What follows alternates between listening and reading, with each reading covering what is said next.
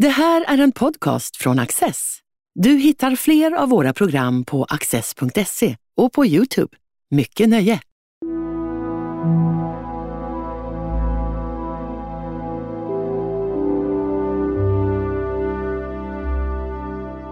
Välkommen till Access kulturgryning. Jag sitter här med doktor Mia Åkestam som är doktor i konsthistoria och disputerad på bebådelsebilder. Mia, välkommen hit. Tack så mycket. Vi kommer idag att prata om eh, medeltida eh, kyrkokonst. Men för att kunna göra det på ett vettigt sätt så tänkte jag att vi ska börja titta på kristendomens roll i samhället. Så om vi börjar med 1000-talet, när man ändå får säga att kristendomen är ju helt etablerad ja. i Sverige vid det laget. Hur många kyrkor fanns det ungefär per capita? Du får höfta på den här frågan. Ja, det, då får jag. Tusentalet är väldigt svårt att säga är det som är Sverige norr om Skåne. Det finns en del i Danmark och Skånelandskapen, men ganska lite. Eh, det är med eh, 1100 1100-talet som vi börjar prata om kyrkor på bred front när det verkligen etablerar sig här. Och då rör det sig om sån här mm, siffra, höfta, det är alltså 500 sockenkyrkor bara i Västergötland. Oj, det är en hög summa. Det är väldigt mycket. Det är väldigt mycket. Och man kan tänka sig, menar, allt det som krävs av kunskaper av människor som ska arbeta liksom, byggnationskunskaper, kunskaper i hur man tillverkar böcker, hur man tillverkar skulpturer. Det, det, är väldigt mycket som kommer med en sån där byggnad som bestäms att den ska ligga. Och då räknar du inte ens in klosterkyrkorna i det här? När du säger att det... Nej, det gjorde jag inte nu. Nu var det sockenkyrkorna. Ja, så det fanns ju ännu mer egentligen? Ja, oh ja det gjorde det. det, gjorde det. Och det fanns, det fanns domkyrkor, Skara domkyrka och Lund domkyrka var tidigt etablerade på 1000-talet. Så Lund, Lund etablerades eh, 1030 eller någonting sånt där. Så det... Och en primitiv fråga på, på det här är ju, vilken roll spelade en sån här kyrkobyggnad i en människas liv? Olika beroende på vilken vi pratar om. Eh, katedralen, mm. eh, so, alltså det som vi kallar domkyrka i Sverige, eh, organiserade ett större område. Eh, och var administrativt centrum både när det gällde religion och teologi och finanser och geografiskt. Så att där fanns det sen under en domkyrka och en biskop ett antal sockenkyrkor. Väldigt många då under Skara domkyrka till exempel som då ligger i Västergötland. Eh, och eh, så domkyrkorna var viktiga för undervisning, för stora processioner, för eh, helgonkult för administrationen av det här alltså stora projektet som man kan säga kristendomen var vid det här tid. Sockenkyrkorna fick relevans direkt på plats som ett hus dit man gick varje dag. Vad som kan vara lite intressant i sammanhanget också kanske är att nämna att de tidiga sockenkyrkorna kallas ofta för gårdskyrkor eller egenkyrkor. För att inledningsvis så tar forskningen för, eh, forskningen för givet att det var eh, större jordägare eh, eller frälsesläkter som etablerade, etablerade en kyrka på sin gård, anställde en präst och de människor som behövdes. Och sen så, så kunde de som bodde i närheten gå till mässan i den kyrkan. Men det var på privata initiativ väldigt mycket. Det är lite senare som de här när, sock, när människor i en socken går tillsammans och samlar in pengar och arbete för att bygga. Det kommer lite senare. Men om vi är inne på 1100-talet mm. här ungefär. Då var det ändå så att folk gick till kyrkan varje söndag? Vi antar det allt sånt där handlar om att, om, nu, nu talar du ju med, med en som jobbar på universitetet. Vi har inte skriftliga källor på det sättet så att vi liksom kan säga generellt att alla gick till kyrkan varje söndag. Det vet vi inte Nej. riktigt. Men organisationen var uppbyggd så. Mm. Okej. Okay. Det jag är lite ute efter, var kyrkan en del av den vanliga människans vardag? Eller rutin? Från mitten av 1100-talet och bortemot 1200-talet, ja. Okej. Okay. Hur var kyrkans relation i frågan i, i, i relation till den världsliga makten? Eh, många, alltså, det var gemensam delad makt, skulle man kunna säga. Eh, den världsliga makten hade redan från början önskemål om att tillsätta viktiga funktioner. Eh, så du ville ha en person som biskop och så var, eh, var nästa bror var en, eh, liksom en jarl eller någonting sånt där. Och så man liksom, familjer ville besitta alla maktpositioner. Eh, så det var den ena sidan av saken. Den andra sidan av saken, och det gäller ju 1100-talet också, det är det här som heter investiturstriden. Eh, där kyrkan eh, ville få rätt att själv tillsätta biskopar och ärkebiskopar utan världslig inblandning. Och det där gick så pass långt så att det blev riktiga stridigheter. Om det här gällde inte bara Sverige utan det gäller hela Europa. Eh, eh, den mest kända yttringen av det här kanske är mordet på Thomas Becket av Canterbury eh, som dödades av kungens eh, män eh, inne i katedralen i Canterbury. Så, och det var ett, ett, ska säga, ett startskott för en riktigt allvarlig diskussion. Det här upphörde sen så småningom, lugnade ner sig bortemot 1170-80-talet. Okej, jag har ett vagt minne av, kan det stämma att Birger Jarls bror var en biskop på temat där att man ville ha makten inom familjen? Ja, det var han. Han var biskop i Linköping. Okej. Ja. Då, ja, då är vi ja, någonting på ja, spåren ja, där. Ja, men absolut. Eh, jag måste säga att som, eh, ur ett sceniskt perspektiv när jag tänker på en medeltida kyrka. Och du är fri att säga emot mig här, för nu ska jag komma in på det här med konsten. Eh, det jag ser när jag går in i medeltida kyrka, att jag ser ju en scenisk uppställning där allting är genomtänkt med samma budskap. Eh, från vad man väljer att ha för mönster på fönstren till dopfund till vad prästen har på sig till all konst. Att det, det är inte slumpmässigt vad man tycker är fint utan det finns ett budskap här som ska in överallt ifrån. Ja, eh, det håller jag, det, det håller jag med om. Eh, själva kyrkorummet är viktigt och eftersom du tar upp det sceniska så handlar det mycket om, det handlar mycket om procession. Eh, att fira en mässa på den här tiden var en väldigt ska jag säga, teatral uppvisning. Eh, med mycket rörelse, mycket ljus, mycket ljud. Eh, man lyfter monstranser, man vänder sig åt olika håll, man mässar och så vidare. Så, att det, eh, så det är det absolut. Sen det där om allting är gjort på samma vis, det är jag inte riktigt lika säker på för att ett kyrkorum är ofta så gammalt. Eh, man överger inte en kyrka utan man bygger ut den och bygger till den och förstorar den eh, och bygger på. Eh, och man byter ut både skulptur och textilier som ju var en viktig del i, i rummets, hur man uppfattade rummet. Så att där är jag inte riktigt sett, för att budskap kan också ändra sig över tid. Ja, du har ju alltid men alltså, årsringar. Grundsaken, ja, årsringar, exakt. Ja, men det är rätt. Och, precis så kan vi säga, årsringar. Men det, det är ändå ett budskap som genomsyrar en sån här byggnad. Absolut. Och jag måste säga att eh, jag är inte människa nog att förstå alla de här olika delarna och det är det du är här för att förklara för mig idag. eh, för vi pratar om konst, om kyrkokonst. Mm. Eh, existerade konstbegreppet på den tiden? Det är lite därför jag funderar på det här med budskap och, och makt och sådär. Ja, nej, inte konstbegreppet som vi känner det. Det gjorde det inte. Det är någonting som, som myntades under 1700-talet och med Kant.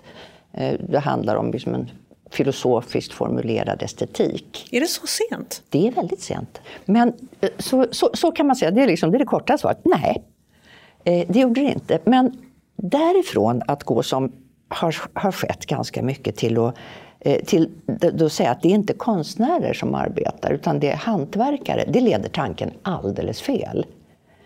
På engelska så använder man ordet artist. Och det gör vi inte i svenska. Nej. Utan vi har, Eh, I Sverige på den tiden jag började plugga och så där så var det nästan så att man fortfarande hade den här idén om en kringresande hantverkare Eh, som dök upp på en det ena, en det andra stället och, och snickrade en skulptur eller byggde en kyrka. Och det, det, det är så långt ifrån eh, den enorma expertkunskap och den kunst, gedigna kunskap eh, som man besatt för att kunna utföra någon av alla de här små delarna. En glasmästare på 1100-talet som gör sådana ja. fantastiska kyrkfönster. Mm. Vad kan han? Vad... Eh, glasmästaren på 1100-talet är utbildad länge. Eh, han kan färga glas, han kan blåsa ut glas så att det lägger sig som en skiva över ett kalkat bord. Eh, färga in det och sen knäcka det i lagom stora bitar, olika färger. Han kan också eh, göra en blyram till glaset. Han kan inte sen hugga stenen som ska infatta. De här glasmålningarna sitter ofta i steninfattningar, fint huggen sandsten. Eh, så då har du istället en stenhuggare som är expert på exakt, sitt område? Exakt, eh, och som naturligtvis inte får göra fel. För att om det blir lite misspassning 20 meter upp, då rasar det. Så, så det, det, det, alltså det, det, är en sån enorm precision i det här arbetet. Och de här glasmästarna, de var så eftertraktade. Eh, man fick vänta i åratal. Man fick, på de, experterna på det fanns i Frankrike. Och det finns en notering från en engelsk eh, katedral. Eh, jag kanske inte ska säga, jag kan minnas fel, men jag tror att det var Salisbury.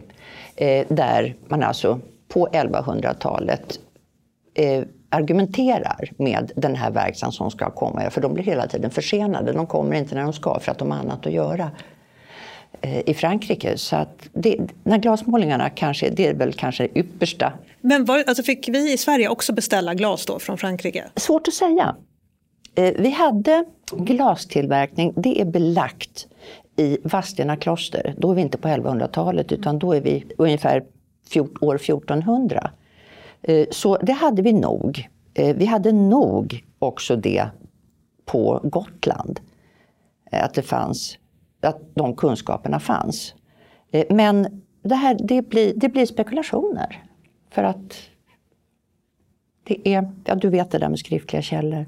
Jag vet det här med skriftliga källor. Det, det, men, som, ja, men det är lite som när du svarade på frågan eh, var kyrkan en del av människors vardag? Då sa du att jag vet inte säkert för att vi har inga källor på att människor faktiskt gick dit varje söndag men vi vet att det fanns en administration för det. Just så det är ju ja, också ett svar. Ja. När vi pratar om kyrkokonst, vad räknas? Vad har du tagit med i din forskning till exempel? För att det är, vi pratar ju om det uppenbara nu, de här stora glasfönstren ja. i en kyrka. Har ju, det kan ju de flesta föreställa sig mm. men det här går, kokar ju ner på, till en mycket mindre nivå också. Visst gör det det. Eh, det kokar ner så att om, om vi ska ta stegen från eh, glasmålerierna eh, så kan vi väl säga att sen har vi Eh, skulpturen, både sten och träskulptur, så har vi altarskåp. Och där kommer det in både panomåleri och träskulptur. Eh, så där har vi någon sorts mixed media eh, i den typen av föremål. Eh, och där någonstans, så länge man bara laborerade med konstbegreppet inom konstvetenskapen, så stannade man där någonstans. Sen betraktades resten som småkonst. Eh, men det gör vi absolut inte idag. Utan här finns, framförallt ska, vill jag framhålla, textilier. Som när man tittar på testamenten och sånt där, är det som verkligen beskrivs i ett testamente om man skänker någonting. Eh, till exempel som Magnus Eriksson och Blanka ska skänka till Vadstena klosterkyrka så beskriver de eh, en altarklädnad av röd sammet med broderade guldlejon och flera andra såna här saker. Det finns noga beskrivet och det ges också mycket pengar just till textilinsamling. Men textil överlever inte många århundraden? Nej, de gör ju inte det. Det är bara skriftlig källa, det är inget arkeologiskt jo, det, fynd? Det, jo, det gör det. Det finns, det finns bevarat också. Så, så vi, har, vi, har, vi, kan, vi har då kan titta på det, absolut eh, korkåpor och bonader och altarbrun och annat. Från så långt tillbaka som vi diskuterar nu? Ja, Oj. det har vi. Även 1100-tal. Har vi. Inte, det är inte mycket, men det finns. Så, att, så jag menar, det, där vet vi också liksom att det här stämmer. Okej. Ja, så att det skulle jag verkligen vilja framhålla som viktigt i, i ett Och sen så, så har vi eh, de invigda kärlen. Kalk för vinet, paten för brödet eh, och ett antal alltså vattenkannor och böcker är en viktig del i den här materiella kulturen också, som jag egentligen hellre pratar om. Mm. För boken hade flera nivåer där också där den kunde användas. En bibel, en riktig praktbibel med förgyllda eh, bokmålningar och så vidare kunde hållas upp och bäras i procession. Det är en helig bok på sitt sätt. Man bär den med täckta händer fram till altaret och, eh, och använder den på det viset i det här sceniska du pratar om. Men det är också någonting som, eh, som används dagligdags för alla dessa som arbetar i kyrkan. Man skriver av böcker själv och man, har, man skriver sina predikningar. Man, man har böcker, man har mus, musiken nedtecknad för kören och det är mängder. Hade man instrument eller var det bara kör? Man hade, man hade instrument. För att om man läser din avhandling med bådelsebilder mm. så ser man, apropå vad som räknas som konst, att du uh, har ju tittat på, på dopfunter, på sakramentskåp. Det var, det var lite då, när jag läste den, som tanken föddes att ja, det, man bombarderas ju hela tiden med budskap och vi ska strax börja grotta ner oss i ja. lite grann i vad de här olika symbolerna betyder eh, som man då ser på fönster, dopfunter, sakramentskåp, altarskåp, allt, allt möjligt. Men det jag funderar på nu är medeltidsmänniskan, eller 1100-talsmänniskan, förstod alla de här symbolerna som jag tycker är så svåra att tolka? Ja, det skulle jag nog säga. Det var nog den undervisning som kom väldigt fort, så fort. Jag menar, någon gick över från hedendom till kristendom under vikingatiden och så vidare.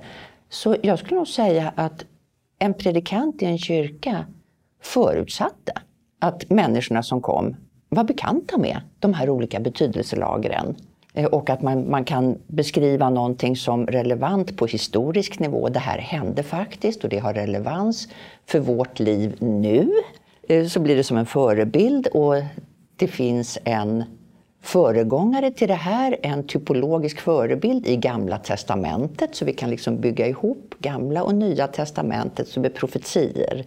Så att, och de här nivåerna eh, skulle man nog vara kunna. För att det handlar om att själv leva som en god, eh, god kristen i den, i den här världen så att man eh, skulle få en mild skärseld och sen komma till himlen. Så det här var på något sätt en kunskap som kom naturligt av att man, man gick i kyrkan, man hörde predikningar, man hörde ju samma historier flera gånger säkert. Om vi tar bebådelsen som som ett exempel, då hade man en bild i kyrkan på bebådelsen, man hörde historien, man kopplade ihop det helt automatiskt. Ja, det, var, ja. det var ingen komplicerad process på något Nej, sätt? Nej, det tror jag verkligen inte. Inte på grundläggande nivå. Sen kan man alltid komplicera allting och göra det lägga till någon detalj som bara är för de speciellt utvalda.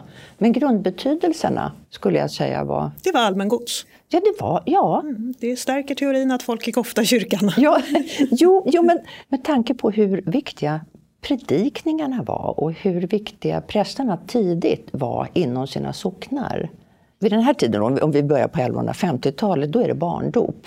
Då räknar man med att Sveriges vuxna befolkning är döpt i princip. Liksom. Och då har man någonting som konfirmation.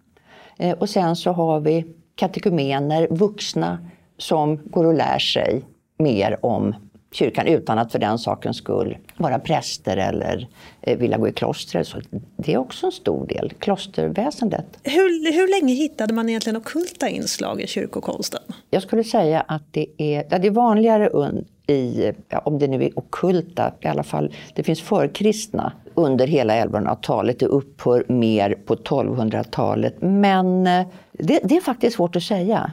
I enstaka fall så förekommer det hela tiden. Det finns ett roligt altarskåp från tidigt 1400-tal som finns att se på Historiska museet i Stockholm. Där det på baksidan finns en kvadrat. Den heter Sator Arepos-kvadraten.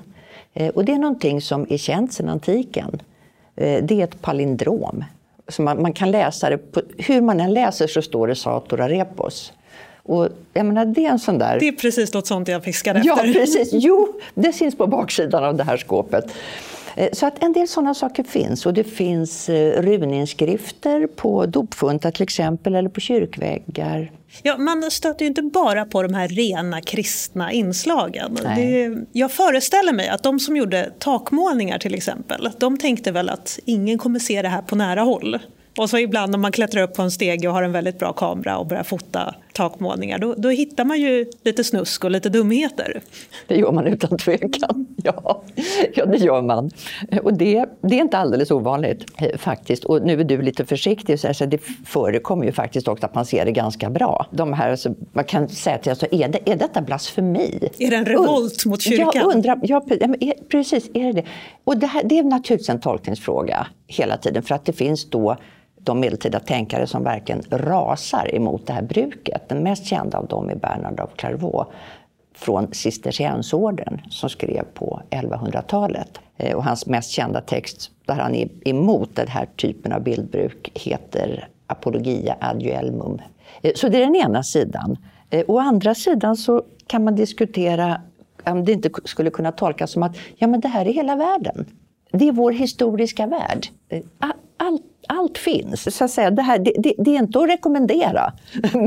men, men detta finns också i vår föreställningsvärld och i vår levda värld. Så att, och det, är, det står ju i kontrast till ett huvudmotiv, till exempel de här som du refererar till. Det kan, eh, kan vara människor som beter sig oanständigt. Antingen ett par eller någon enskild person eller så som visar baken och sånt. De finns ju ofta lite under huvudmotivet. Och jag tänker liksom att det Ja, det finns alltså en plan med hur man placerar? Ja, jag har upplevt det slumpmässigt. Nej, nej, det skulle jag inte säga. Och det finns en konstvetare som har skrivit om det här som heter eh, Michael Camille. Han skrivit en bok som heter Image on the Edge. Eh, som just handlar om, han skriver mest om böcker eh, och bokmåleri. Eh, men där finns det liksom allt detta som försiggår i marginalerna eh, som kommentar och opposition mot huvudbudskapet eller den här liksom väldigt vackra bilden då. Eller ett komplement. En att en ja. människa är ju absolut allt mm. det här fantastiskt andliga mm. men också Ibland går människan på toaletten. Ja, precis, På temat bilder jag sett. Ja. ja, man skulle ju kunna kanske säga också att det är antingen som en kontrast till det som är där, men också någonting som ska undvikas för att det är någonting som går igenom hela tänkandet när vi pratade om det här tidiga, att eh, naturen finns där, naturen är alltings mått, eh, måttstocken och det är det viktigaste, men det är också den mänskliga naturen är någonting som ska bekämpas så att vi inte går under. Man måste liksom höja sig som människa för att komma till paradiset. Men visst finns det de tramsbilderna som, som du ser också, som är väldigt undangömda. Det gör det. Och som finns också exempel på bilder som bara kan ses av prästerskapet inne i koret. Där folk har haft extra roligt då? Ja, exakt. Där folk har haft extra. Men om vi går tillbaka till det andliga upphöjda. Mm. Du har alltså forskat på bebådelsebilder. Mm. Hur kom du på den idén? Ja, det allra, allra första. Det här motivet är så vanligt. Det betraktas som banalt. Det är ett av de allra vanligaste motiven i den kristna bildvärlden överhuvudtaget. Det är inget exceptionellt motiv överhuvudtaget. Och jag tycker att sånt är intressant för att jag är intresserad av bildbruk och hur det fungerar i ett, hur det kan fungera i ett samhälle. Men förlåt, då måste jag fråga. När du säger att det är ett banalt motiv, då pratar du rent konst ja, jag, jag, jag, menar alltså inte att det är det, jag menar mm. motsatsen. Men det har betraktats som ett banalt motiv för att det inte är unikt på, på något vis och finns, det kommer i alla möjliga skepnader. Liksom. Så att, om, vi, om vi pratar konstbegrepp och sådär så är det eh, men, och många gånger så intresserar vi oss för det som är unikt och det som är lite speciellt oavsett vilken epok eller vad vi än studerar egentligen. Men jag var intresserad av det generella. Men för du förhåller dig inte alls till det teologiska eller religionsvetenskapliga? Jo, det gör, det gör jag i viss mån. Men som, jag är ju konstvetare. Och det där, då får jag vara försiktig med, med de andra. Jag har mest bakom mig, förutom konstvetenskap, har jag historia och teoretisk filosofi. Så att det kan säga att där bottnar jag lite bättre. Eh, men det går inte heller att skriva om den här typen av saker utan att ha stor respekt för att det finns ett antal andra, eh, andra vetenskaper runt omkring och också förutsättningar. Det är en helhet. Så det var det ena. Det andra som är intressant med den är att det blir ett, och det, det kommer på ett annat plan, att den här bebådelsemotivet, det är, man kan se det som en bild av det o det som inte går att gestalta så föreningen av himmelskt och jordiskt, när det himmelska och jordiska möts, hur sätter vi bild på det? Eh, det är en bild av manligt och kvinnligt. Eh, och hur, hur sätter vi bild på det? Eh, så att där finns det en, liksom, en, en riktig spänning i motivet. För att det är, det är svår, svårgestaltat och det är någonting som konstnärer brottar, brottats med i så många år. Och sen så finns det en del till i det här och det är att det är själva förutsättningen för kristendomen överhuvudtaget. Eh, man brukar säga att det är Kristi födelse och de kristna tror på att, eh, att Jesus är Guds son, vilket inte andra världsreligioner gör. Eh, så att, menar, där, där har vi det. Men inom kristendomen så det blir ett, det är en illustration av ett ögonblick. Ett ögonblick när allting sker samtidigt, när Gud skickar ut en ängel. En ängel förkroppsligar i någon mening då, eller syns inte eller hörs eller är Gud som träffar en jordisk jungfru. Eh, hon får en fråga, hon tvekar och hon säger Ecce Angela Domini, din tjänarinna Herre. Det där ögonblicket Eh, har beskrivits så mycket i både religiös och profan litteratur. Det är, kan säga, det är en trop för så mycket litteratur och konst. Så att, eh, ja, det är svårt att släppa det här motivet. Det är otroligt spännande att läsa om. När jag tittar på allt som du har tittat på, du har ju med mycket bilder i din avhandling då, av uppenbara skäl. En del målningar och skulpturer som man ser, de är helt fantastiska. Och man, man, det är ganska lätt att lista ut vad det är man tittar på. Men en del är ju klurigare. Som, eh, det, du har en dopfunt som jag inte kommer ihåg varifrån den var nu, men det skulle vara toppen om jag sa det. Kan vara Västergötland, tror jag. Egentligen, det jag är ute efter när jag säger att så här, vissa bilder är ju klurigare. Att man, mm. Jag ser bara en kvinna och en ängel. Mm. Vad är det jag ska titta efter för att veta att det är bebådelsen jag ser? Det är en så bra fråga. För att just det där motivet, det klarar vi av att identifiera utan en massa detaljer och attribut. Ett av de få faktiskt. Eh, så, som vi, liksom, vi, vi bara kodar av det i en västerländsk kontext. Eh, du ska titta efter att ängeln har vingar, det är bra. Man kan titta mer på kroppsspråk än egentligen på att titta på detaljer i bilden. Det finns en gestik som är viktig eh, där eh, ängeln kan välsigna. Eller, det är egentligen en antik talegest. Alltså gesten där du har pekfingret och långfingret ja, upp just i luften? Precis, och... precis. Inte helt olika en välsignande gest heller. Där. Så, så det, det, där ser vi gestiken och Marias gestik och kroppshållning talar om acceptans med handflatorna ut framför kroppen. Eh, eller ytterligare lite mer utåtvinklat. Nu, nu talar du och jag om 1100-talets bilder här. Eh, och eh, ganska ruinerade sten, eh, stenreliefer.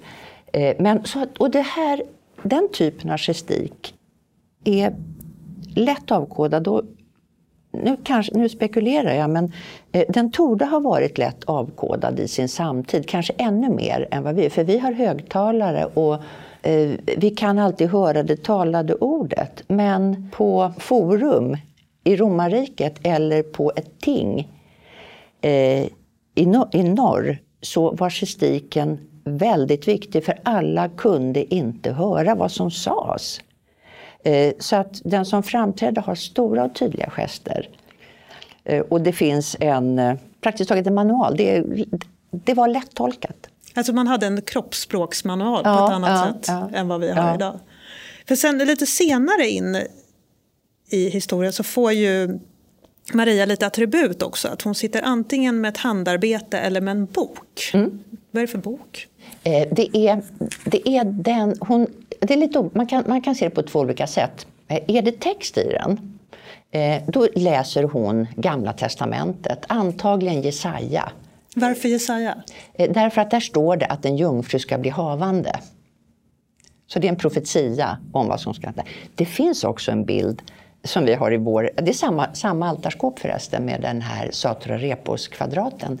Eh, där Maria sitter med en bok med bara, bara rikt, alltså linjerna för texten, en bok utan text. Och då kan jag ja det här är nya, det här bör, den här nya boken börjar här. I den bilden så har hon också bakom sig en altartavla utan helgonbilder. Den är tom. Det finns få bilder som jag har studerat som just den här. Kanske, den är faktiskt lite bokmärksaktig, du har ju sett den. Den är lite grann som en bokmärksbild. Eh, men som har, har, har det här djupet i, så att säga, den, ska vi kalla det för visuell retorik? Det kan vi göra.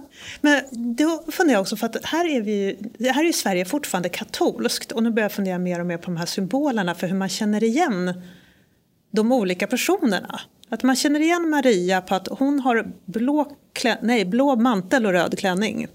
Ja, det är det enklaste. Eh, Gabriel har vingar. När kommer Glorian? Har de Glorian redan från början? De har Gloria från början, ja. Varför, eh, hur känner man igen Johannes döparen? Han är klädd i en, i en hud, han var eremit. Och han bär ett litet lamm på en bok. För nu hoppar jag över till Italien lite här, ja, när man associerar fritt. För där är ju kyrkorna fulla av helgon, konkreta helgon. Och det är ju ett elände om man inte vet vilket attribut varje helgon har. Eh, som en pojke som bär en jätte över vatten. Det är en helige Kristoffer, Just det, det är Kristoffer. Eh, och sen så har vi alla de här Lucia, det är mycket kvinnliga helgon som blev Martyrhelgon. Precis ja. för att de inte ville gifta sig. Har du några exempel på sådana och vad man ska titta efter, hur man känner igen dem? Ja, man kan, man kan, man kan titta efter. De, eh, de unga martyrhelgonen är intressanta. Eh, de är jätteviktiga under hela medeltiden. Det är Katarina av Alexandria till exempel. Och det är Dorotea. Det finns några. De är allihop romerska ungdomar som enligt sina helgonbitor, legender, Eh, på olika vis vägrar att, gifta, alltså, vägrar att anpassa sig efter den gamla kulturen, gifta sig med en gammal man och så där. De vill leva och därför så blir de, de blir dödade. Ja, någon blev placerad i ett torn som Barbara. Var det Barbara? Precis, det var Barbara. Eh, eh, Katarina av Alexandria har, har ett stegelhjul som sitt attribut. Det står ofta att ett trasigt ljud med piggar på om man ser bilden av, av den här. Men de är alltid eh, unga, mycket, mycket vackra jungfrur. Liksom. Men eh, det vi ser att de bär med sig, det är deras martyrier. Det redskap som de dog av. Just det, men för de här är ju inte... Jag kan inte minnas att jag sett något sånt här i Sverige. Det är reformationsskälet. Att, eh, tog man bort mycket helgonbilder? Ja, det, gör, ja, precis. ja, det gjorde man. Helgonbilderna togs bort. Mm. Det vi har kvar, och det finns ju väldigt mycket ute, jag menar, både på museer och framförallt ute i kyrkorna, jättemycket. Eh, men det är ju bilder från en annan religion. Men du har tittat på de katolska bilderna? Ja, precis. Ja. Jag, jag, precis, jag slutade med medeltiden, alltså någon gång mitten på 1500-talet. Eh, de efterreformatoriska bildvärldarna har jag inte forskat på. Ja, men så mycket bättre. Det är inte den vi ska prata om. eh, förutom bebådelsen, vilka teman har vi i de svenska medeltida kyrkorna och varför väljer man vissa motiv? Då skulle jag absolut eh, nämna heliga tre konungar. Eh, de tre vise männen som vi kallar dem för, som kommer ridande efter Jesu födelse. Och nu är vi inne i julfirandet, eller hur? Men om vi tänker julafton och eh, Jesu födelse där på natten och så ser de tre vise männen som jobbar åt Herodes, eh, ser en stjärna tändas och de går eh, till Herodes och säger nu har vi sett något konstigt, ett fenomen på himlen, så de blir utskickade och tar reda på vad det är för någonting. Eh, de följer stjärnan och kommer då fram till krubban i Betlehem. Och det här, det här, där har vi ju, det, det är ju vår julkrubba. De här vise männen avbildas dels som ryttare på eleganta hästar när de är på väg. De avbildas sen när de har klivit av hästarna och bär fram guld, rökelse och myrra i procession. Och sen i den tredje bilden så knäfaller den äldsta av dem och när, de tillber det lilla Jesusbarnet som då sitter i Marias knä. Så Maria sitter på en tron och i sitt knä har hon Jesusbarnet och sen kommer tre vise männen och tillber. Och det där motivet förekommer så ofta. Vad ville man berätta med det, mer än den faktiska historien? En aspekt av de tre vise männen är att de är de första pilgrimerna. Och pilgrimsväsendet är under hela medeltiden, det är viktigt fortfarande, men alltså centralt eh, under medeltiden. Och det var inte alltid nödvändigt att ge sig iväg till de stora pilgrimsmålen.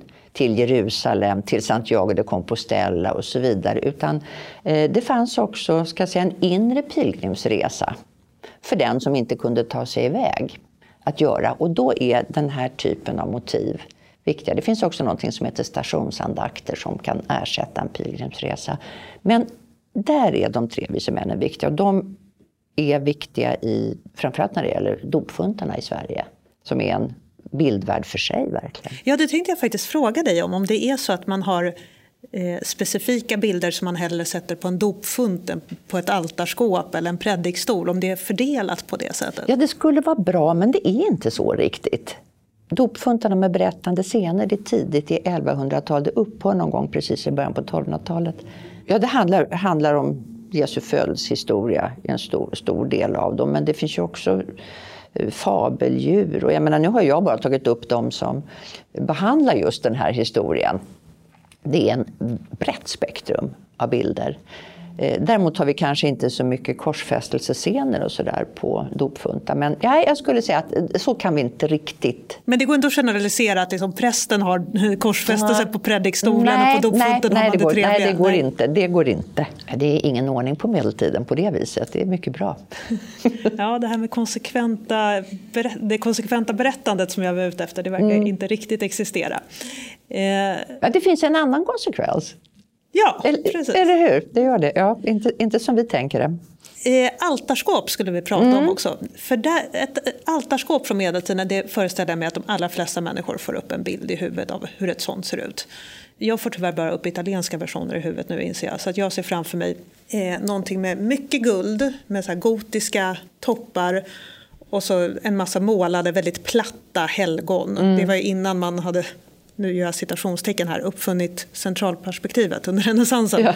Ja. Eh, så det, jag ser ju väldigt platta bilder framför mig som, precis som jag varit inne på, känns lite svårtolkade om man inte vet de här specifika symbolerna som hör till varje person och varje ja. berättelse. Men du ser naturligtvis något helt annat. Ja, jag gör ju det. Eh, jag menar, dels, dels så ser jag ju eh, i, i den här plattheten som du beskriver, eh, det är ett, ska vi säga att det är ett ett eh, konstnärligt drag. Det är linjäritet, eh, det är tydliga färgfält. Eh, någonting som kommer tillbaka då och då i konstskapandet. Och nu inser jag när du säger det att det hänger ju ihop med det här eh, med de stora gesterna. Att det här altarskåpet behövde vara tydligt på långt avstånd naturligtvis för den publiken som satt längst bak i.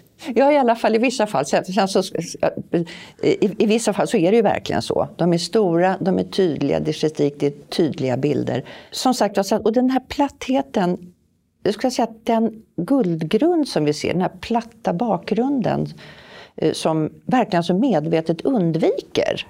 Guld är ju jättedyrt. Alltså, det är inte så att man inte kan måla en bakgrund, men man väljer medvetet att inte göra det. För att eh, det, är, det är fönsterrutan. Eh, altarskåpet med helgonet och eh, guldgrunden, det är så att säga där bakom, där i finns sen paradiset och evigheten. Så guldet står för det som inte är vår verklighet. En, det är en annan verklighet. Ja, det ger ju ett helt annat djup när man ser på det sättet. För ja. det, annars, det är så lätt att tolka så här, en sån massiv guldmassa. Det är ju lätt att tolka som att man ska visa upp rikedom. Vilket blir konstigt från en kyrkas. Det är naturligtvis en bieffekt som, inte som man inte ska underskatta heller. Förstås, ja, men det finns mycket ekonomi och makt i Är det en maktdemonstration också? Det tror jag inte någon skulle säga.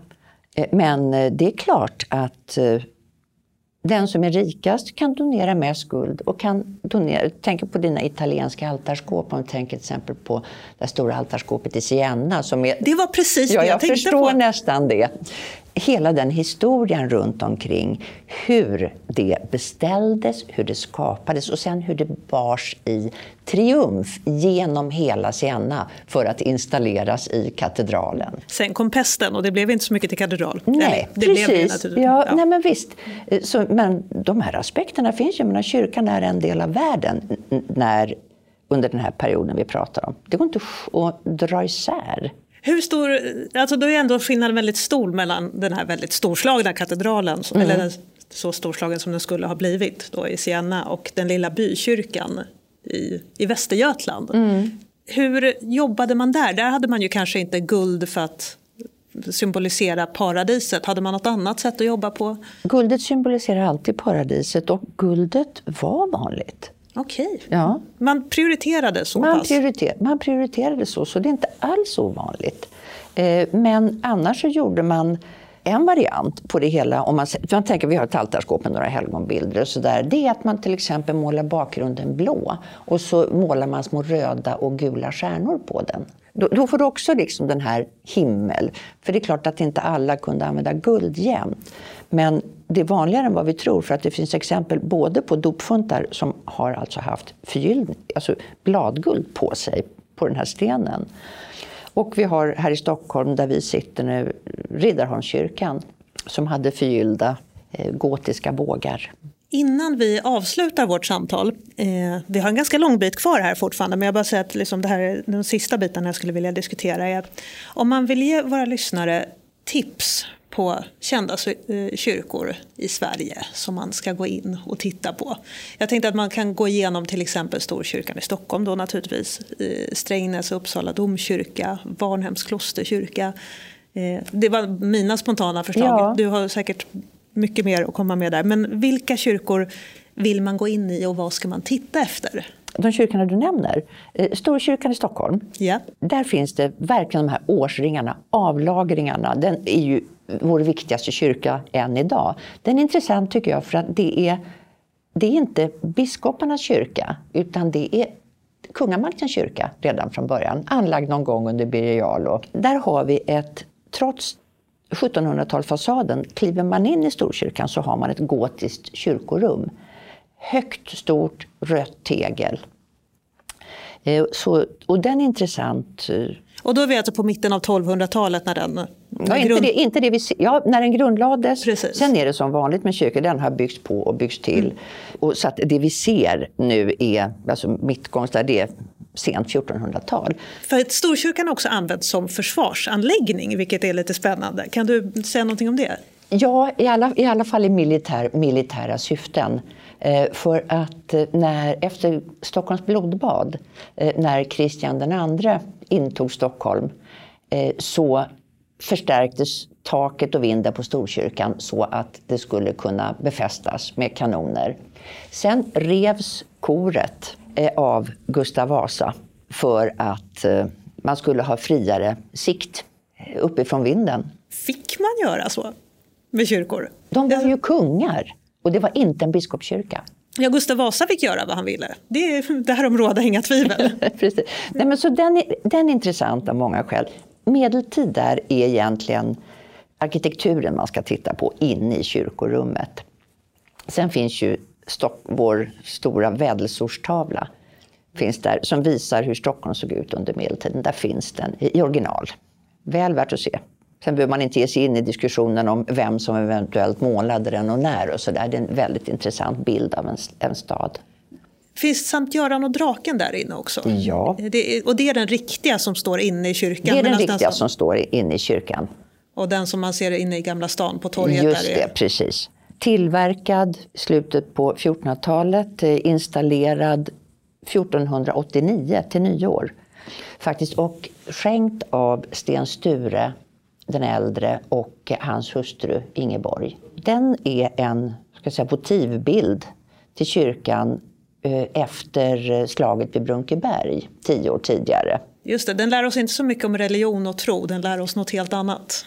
Ja, det, ja, det gör den. Eller så, den kanske ändå lär oss tänker någonting om hur det inte går att skilja den fromma människan från den politiska makthavaren och krigaren. För det är liksom i samma... Ja, han vann slaget vid Brunkeberg. Eh, liksom den svenska falangen. Men man skapar också ett stort monument som är ett helgon. Men man sätter på sina egna vapensköldar på den. Sturevapnets tre sjöblad. Och så tillsammans med hustrun så skapar man ett, ett stort kapell, alltså en altarstiftelse där de skulle vara begravda troligtvis. Så att det är, Jo, det finns, jag tror det finns, finns en djup tro i det också. En så djup är... tro att Sankt Göran hjälpte till. Ah, så det är inte bara en propaganda att eh, Sten Sture var så som inte, Sankt Göran som nej, nej, in, nej, inte bara, inte bara. Nej, verkligen inte. Okay. Skulle inte jag säga i alla fall. Utan snarare så att det vi vet är att eh, de gick till strid under Sankt Göran. De tillbad Sankt Göran och Maria. Just det, för riddarnas skyddshelgon. Just det, precis, precis. Så att igen det här som vi har pratat om, så många lager hela tiden. Så många tolkningsnivåer. Det är fantastiskt när man upptäcker hur många lager det finns mm. av allting. Eh, vad har vi i Uppsala domkyrka? Det, det är svårt. Arkitekturen igen. Eh, höggotik, franska arkitekter, så vi vet vad det är, belagda, så det är ett intressant kyrkorum. Eh, om jag bara ska om jag bara ska nämna medeltida så finns det intressanta kapitel, mellan, alltså, dekorationer mellan pelare och valv i koret eh, med eh, skulptur. Eh, som är, en del är kanske lite blasfemiska som vi pratade om för det här. Andra är väldigt fi fina och vackra. Eh, jag tror det finns 13 stycken runt omkring där, så där kan man gå. De, de ska man uppmärksamma eh, när man kommer. Och så ska man uppmärksamma Finstakoret som det heter. Ett kor som, eh, där det finns dels gravstenen över Birger Pettersson och hans hustru eh, Ingeborg av Folkungaätten. Det är alltså heliga Birgittas föräldrar som ligger begravda där. Det är en stor eh, gravhäll i, i flandrisk marmor. Sen så har vi i det, skåp, i det koret också reliker, dels av Sankt Erik. Eh, det är ett mycket nyare eh, relikvarium.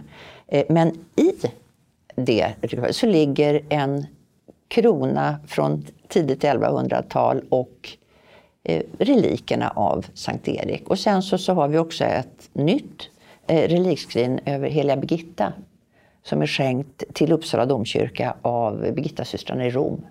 Och när vi ändå pratar heliga Birgitta, då tänker jag direkt att vi måste prata om Vadstena. Också. Ja, det är väl synd att låta bli. Ja.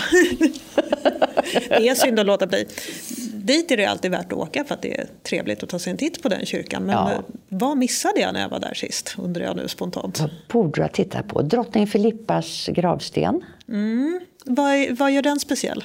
Eh, stenen gör inte, det är kanske mest det historiskt intressanta. Eh, man har också, där den ligger, ganska nära den södra, del, södra delen av kyrkan mot väster, ligger den. där har man också eh, placerat eh, skulptur som heter Anna själv tredje eh, som är en speciell kult, en speciellt kor som instiftades av drottning Filippa på 1400-talet. Så den de här Anna-skulpturerna, Anna själv de är intressanta att titta på. Det finns utspritt i klosterkyrkan mycket träskulptur som kanske är lite, lite runig, lite förstört sådär, men väldigt, om man tittar noga väldigt vackert. Varnhems klosterkyrka skulle jag vilja mm. ta upp också. Mm. Där ligger ju Birger Jarl begravd. Ja.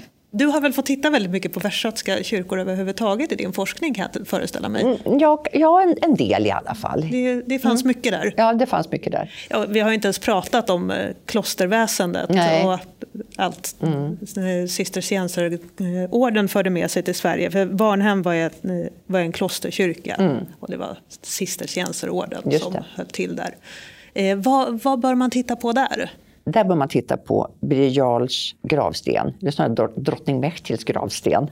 Ska säga, det är hon som är hu huvudsaken där. Hon var en drottning av Danmark innan hon eh, blev änka och sen gifte om sig med Birger Jarl. Så där har vi en, någon sorts eh, vet, hierarki. Så där har vi det. Och sen så har vi också eh, konsoler, det vill säga det lilla stödet för, eh, för valvbågarna, takets valvbågar där vi har vad som i alla fall Jan Svanberg har argumenterat för eh, i ett porträtt av Birger Jarl. Sen är det i de västra partierna, det finns, alltså, om man gillar arkitektur så ska man ju gå, gå runt där och titta på massiva pelare. Eh, och också till, alltså hur intrikat man har byggt till kapell och alltså, Sen har vi ju Varnhem också nu med intressanta utgrävningar från tidigare det ja, finns men mycket precis, att hämta där. Precis på kullen där bakom Ja, exakt, kyrkan så, exakt. så har de väl hittat en gammal kyrkoplats och begravningsplats. Mm, mycket gammal. Mia, eh, det har varit eh, jättetrevligt att få samtala med dig om det här. Eh, Tiden springer tyvärr ifrån oss, men stort tack för att du kom hit. Tack för att jag fick komma. Det var väldigt roligt.